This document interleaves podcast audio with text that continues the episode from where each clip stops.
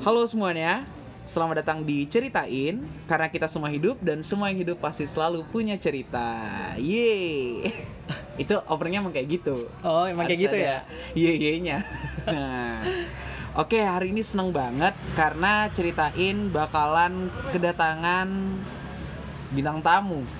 Bener ya bintang tamu ya. Pasti karena semua yang datang ke sini harus kita bilang sebagai bintang tamu Gesta Nah yang akan kita obrolin pada malam ini tentunya merupakan hal yang pastinya bakal berguna banget buat kalian semua nantinya Terutama nih buat para akademisi Atau buat kalian semua yang pengen mengenal Bali Bukan cuma dari wisatanya Yoi. Nah, Yoi. buat teman-teman semuanya misalnya nih anak-anak taruhlah mungkin anak UGM atau teman-teman dari kampus mana pun yang pengen misalnya ke Bali liburan atau mungkin KKN ke sana bisa banget nanti menggunakan podcast ini sebagai salah satu referensi buat biar teman-teman bisa lebih memahami Bali itu seperti apa. Nah, ngomongin soal Bali, tentunya kita semua tahu lah ya Bali itu merupakan pulau yang paling terkenal. Kalau misalnya ngomong Indonesia, nggak Abdul kayaknya nggak kalau ngomongin Bali, bener nggak? Ah, ah. Benar, benar. Bener banget kan? Yoi. Bahkan orang-orang luar tuh taunya ya Bali gitu. Banyak yang pada nggak tahu Indonesia gitu, kadang bule-bule gitu. Karena saking terkenal Balinya ini, tentunya banyak banget hal-hal unik sebenarnya di sana. Selain dari tempat wisatanya yang udah wah banget, selain juga dari pantainya, dari budayanya, masyarakatnya dan sebagainya. Nah, pada malam kali ini, karena kita tag-nya malam nih, kita bakal ngomongin tentang keunikan Bali yang mungkin jarang banget didengar oleh orang-orang gitu. Ini soal masalah sosialnya Bali. Nah, kebetulan teman-teman semuanya, gue waktu itu pernah KKN ke Bali. Nah, jadi 2019 tuh gue KKN ke Bali dan waktu pas pertama kali gue datang ke sana, gue takjub banget. Satu karena emang Bali itu indah banget, kedua adalah karena ternyata Bali ini punya sistem sosial yang unik banget. Nah, biasanya kayak kalau misalnya di Indonesia nih pada umumnya di daerah-daerah kayak di Jogja, di Sumatera atau di mana pun, kayak ini misalnya di desa gitu. Kalau misalnya gue KKN kan gue harus nemuin eh, perangkat desanya nih. Eh, waktu itu gue disuruh untuk nemuin namanya kelian adat, kelian dinas sama juru bendesa. Wah, waktu itu gue bingung waktu itu karena kayak Uh, banyak juga ya. Gue kira cuma nemuin kepala desanya doang atau kepala RT-nya. Tapi ternyata, tapi ternyata Bali ini unik gitu. Karena setelah gue dalami dan KKN di sana ada sistem adat atau sistem apa ya pemerintahan adat yang khusus banget dan cuma ada di Bali. Nah, malam ini kita akan belajar, bukan belajar juga sih, paling ngobrolin ya Ngobrol soal aja, ini sama ngobrol ngobrol aja. aja sama orang yang insya Allah sudah hatam banget soal ini semua. Nah, ada bersama gue Mas Ikal. Mas Hatta. Iya. Nama asli lu Hatta ya? Gue Iya. lupa. Halo. Taunya Ikal doang ya? Iya. Ramadan De Hatta. Iya. Yoi, alias Ikal. Halo. Halo. Ini manggilnya Hatta apa Ikal nih? Ya, Ikal aja kali ya. Ikal aja Ya, ya. Jadi intinya uh, namaku uh, Dimas Hatta, tapi Hmm. teman-teman di kampus lebih sering manggilnya Ikal gitu. Jadi Nama kayak lu bagus ya sebenarnya. eh, Dimas bagus lah ya. emang. Bagus. Oh, gue cuma nemuin nama lu tuh di Twitter doang. Oh, iya. Gue kira itu tuh kayak alter na- nama lu alter gitu ternyata Enggak, emang nama asli. men-switch gitu ya Pak ya di Iya, dunia iya. nyata lu dipanggil Ikal sebagai alternya tapi nama di Twitter jadi diri sendiri berarti ya di sana ya kebalik ya. Biasanya kan Kebalik. orang di Twitter ya jadi anon ya. Nah Eh, benar, biasa di Twitter jadi anon, ini di Twitter jadi diri sendiri ya. Ya udah Iya. nih, halo Mas Ikal. Halo Fir, gitu. Sekarang sibuk apa nih? Nggak ada, sekarang ini skripsian lah. Oh, skripsian. Iya. Oh, gokil skripsian. Semoga Gitu. Mas Hatta atau Mas Ikal cepat lulus ya. Amin ya Allah, amin, amin. Seneng nih gue manggil Mas Hatta kayak manggil wakil presiden. Oh iya. ya, tapi uh, ya. fun, fun fact nama buyutku Hatta. Oh nama Buyutmu Hatta. Ya, tapi bukan Hatta beda Hatta Ah. gitu. Nama Pang- doang sama. Nama depannya Bung bukan? bukan, bukan. Oh bukan. Iya. Apa Kanda? Bukan. Wah, bagus ya. masuk, masuk.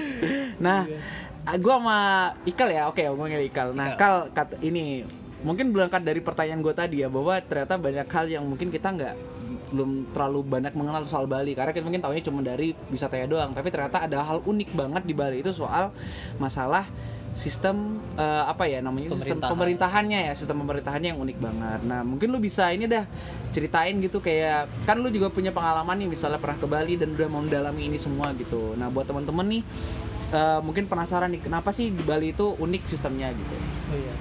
Jadi kayak yang udah kamu ceritakan, Ya. ya aku ketika kan aku magang di Bali ya, ada dua bulanan lebih lah gitu. oh udah bulanan Iya, waktu nyampe Ah. di sana eh, hal yang pertama aku lakukan ya langsung ke desa gitu ngobrol sama seperti ada supervisorku ngobrol gitu ketika Hmm. ketika cerita aku masih belum ngeh ada bentuk kayak ada kalian dinas kalian adat seperti itu Ah. jadi pas aku eh, tugasku pertama waktu magang adalah kamu harus cari tahu eh, sistem apa institusi di desa di Batu seperti apa gitu. Eh, Awalnya juga tetap bingung loh kok, kok bisa ada dua gitu, kok bisa ada dualisme, emang nggak nabrak gitu.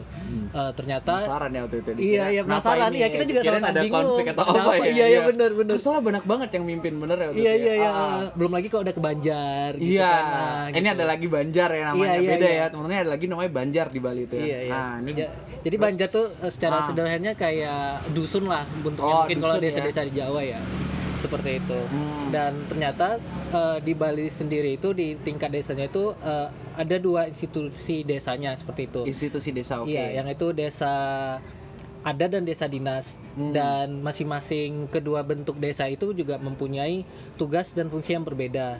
Dan. Hmm. kalau desa dinas ya sama seperti desa-desa pada umumnya ya yang berwenang untuk mengatur hal yang bersifat administratif eh, dan juga misalnya yang kayak berterkait birokrasi dan segala itu macamnya. diurus sama desa dinas. Desa dinas Oke. seperti itu. Nah, kalau Nah. desa ada eh, kalau ada julukannya sih desa pakraman ya itu. Nah, itu beda lagi. Oh bisa bisa di adat dan pakraman ini beda lagi. Oh sama sama, oh sama gitu, kayak tapi nama lainnya. oh nama lainnya Iya, iya, kalau di iya. Bali disebutnya oleh Desa, desa, Pakraman itu kayak nama resminya lah, tapi yang sering Oh. digunakan ya eh, lebih desa adat. desa adat kayak gitu oke. Itu dan desa adat tadi itu eh, dia biasa mengurus merujuk hal yang bersifat keagamaan dan budaya. Kan kalau misalnya pas di Bali eh, sering tuh ngadain eh, apa kegiatan keagamaan mereka seperti itu misalnya ngerebong kayak gitu kalau misalnya Ah. udah mendekati kuningan atau galungan kan sering ngadakan Iya. upacara-upacara adat ya gitu Oh iya benar karena di Bali itu juga ini ya mayoritas kan di sana Hindu ya. Iya, iya, pasti benar banget. apa ya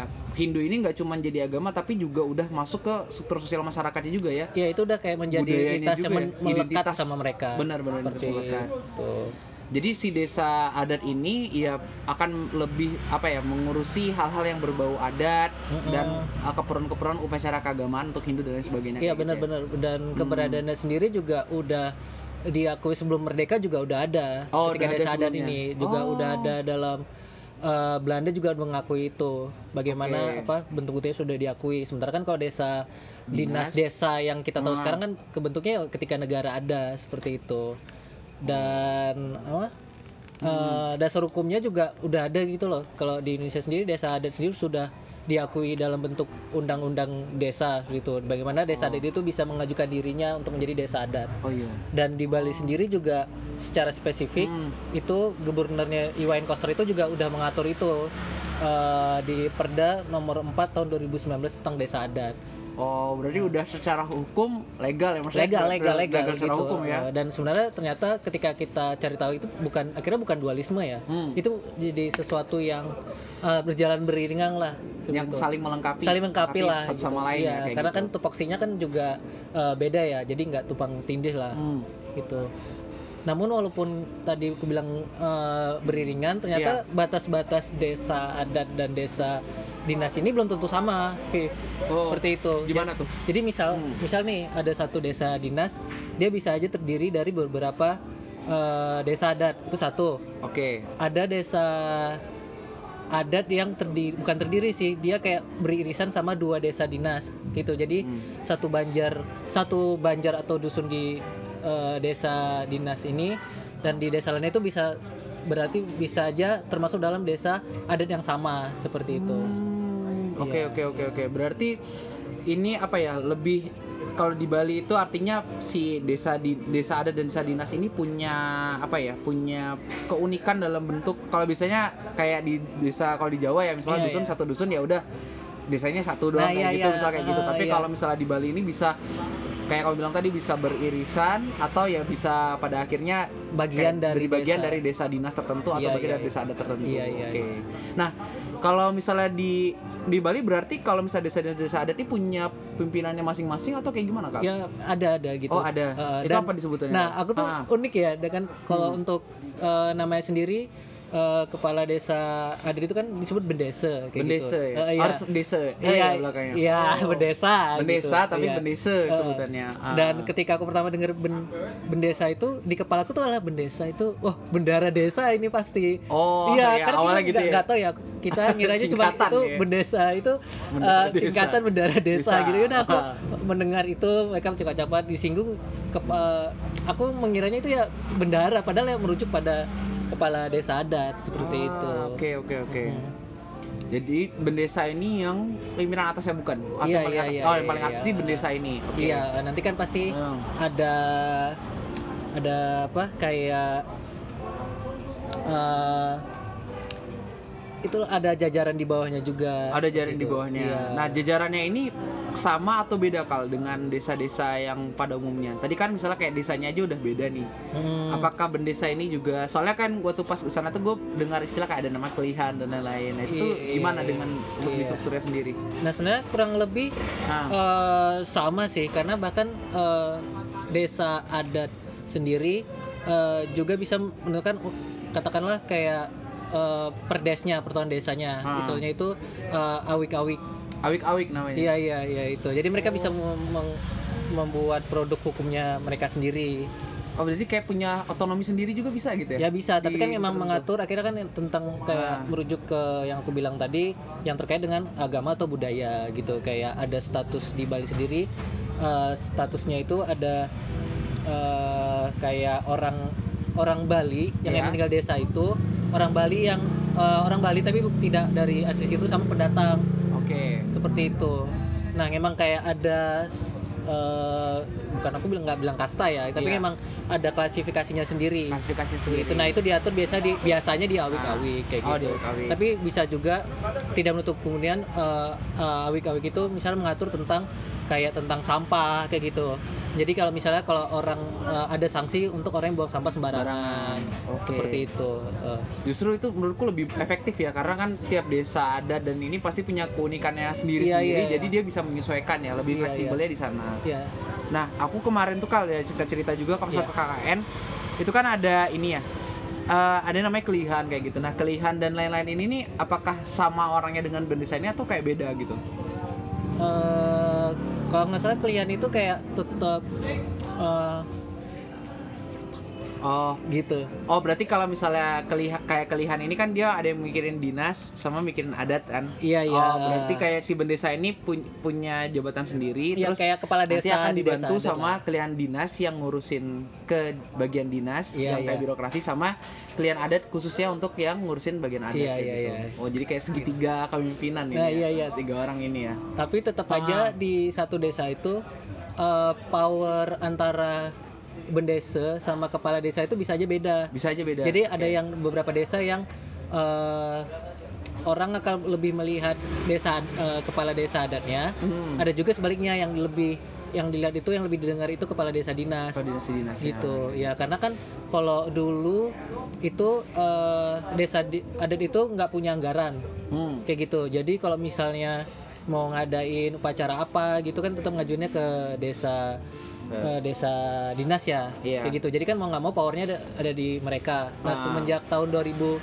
aku lupa antara 18 atau 19 itu Iya. akhirnya tiap desa adat itu ada anggarannya sendiri Oh, dan untuk anggaran 2020 itu aku cek eh, untuk tahun tiap tahunnya itu sekitar 440-an miliar Oh, itu untuk seluruhnya apa cuman Satu desa. Satu desa. Oh, banyak ya? Banyak sih Ah. sebenarnya itu- itu tapi kan kalau karena di Bali sendiri kan upacara mereka banyak ya di sana ya Hmm. seperti itu Bener-bener. Iya.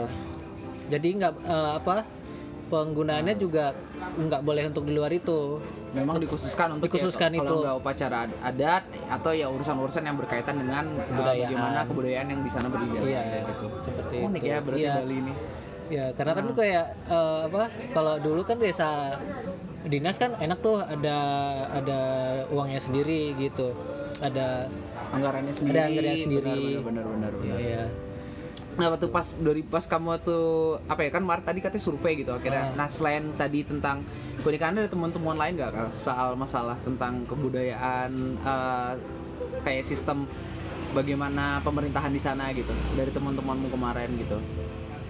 Ya kurang lebih eh, sama sih menurutku Hmm. juga karena akhirnya ada dua dua institusi satu desa Iya. itu aku ngelihatnya siapa yang lebih punya kontrol di desa itu misalnya kalau konteks Hmm. yang misalnya di Banjar ya di Iya. dusun ya karena b- banyak desa di Bali itu desanya besar besar Hmm. jadi eh, akhirnya kan komunitasnya itu kan lebih di Banjar di dusun Di Banjar atau di dusun ya? Iya, seperti Ah. itu. Jadi dan bi- ketika Banjar itu sama dengan desa adat, Ah. tentu kan eh, eh, bendesanya kan lebih punya power daripada eh, kepala desanya. Kepala desanya. Iya. Benar-benar. benar. Seperti itu. Itu sih. Jadi lebih banyak eh, power kuasanya itu di mana? Seperti itu. Gitu.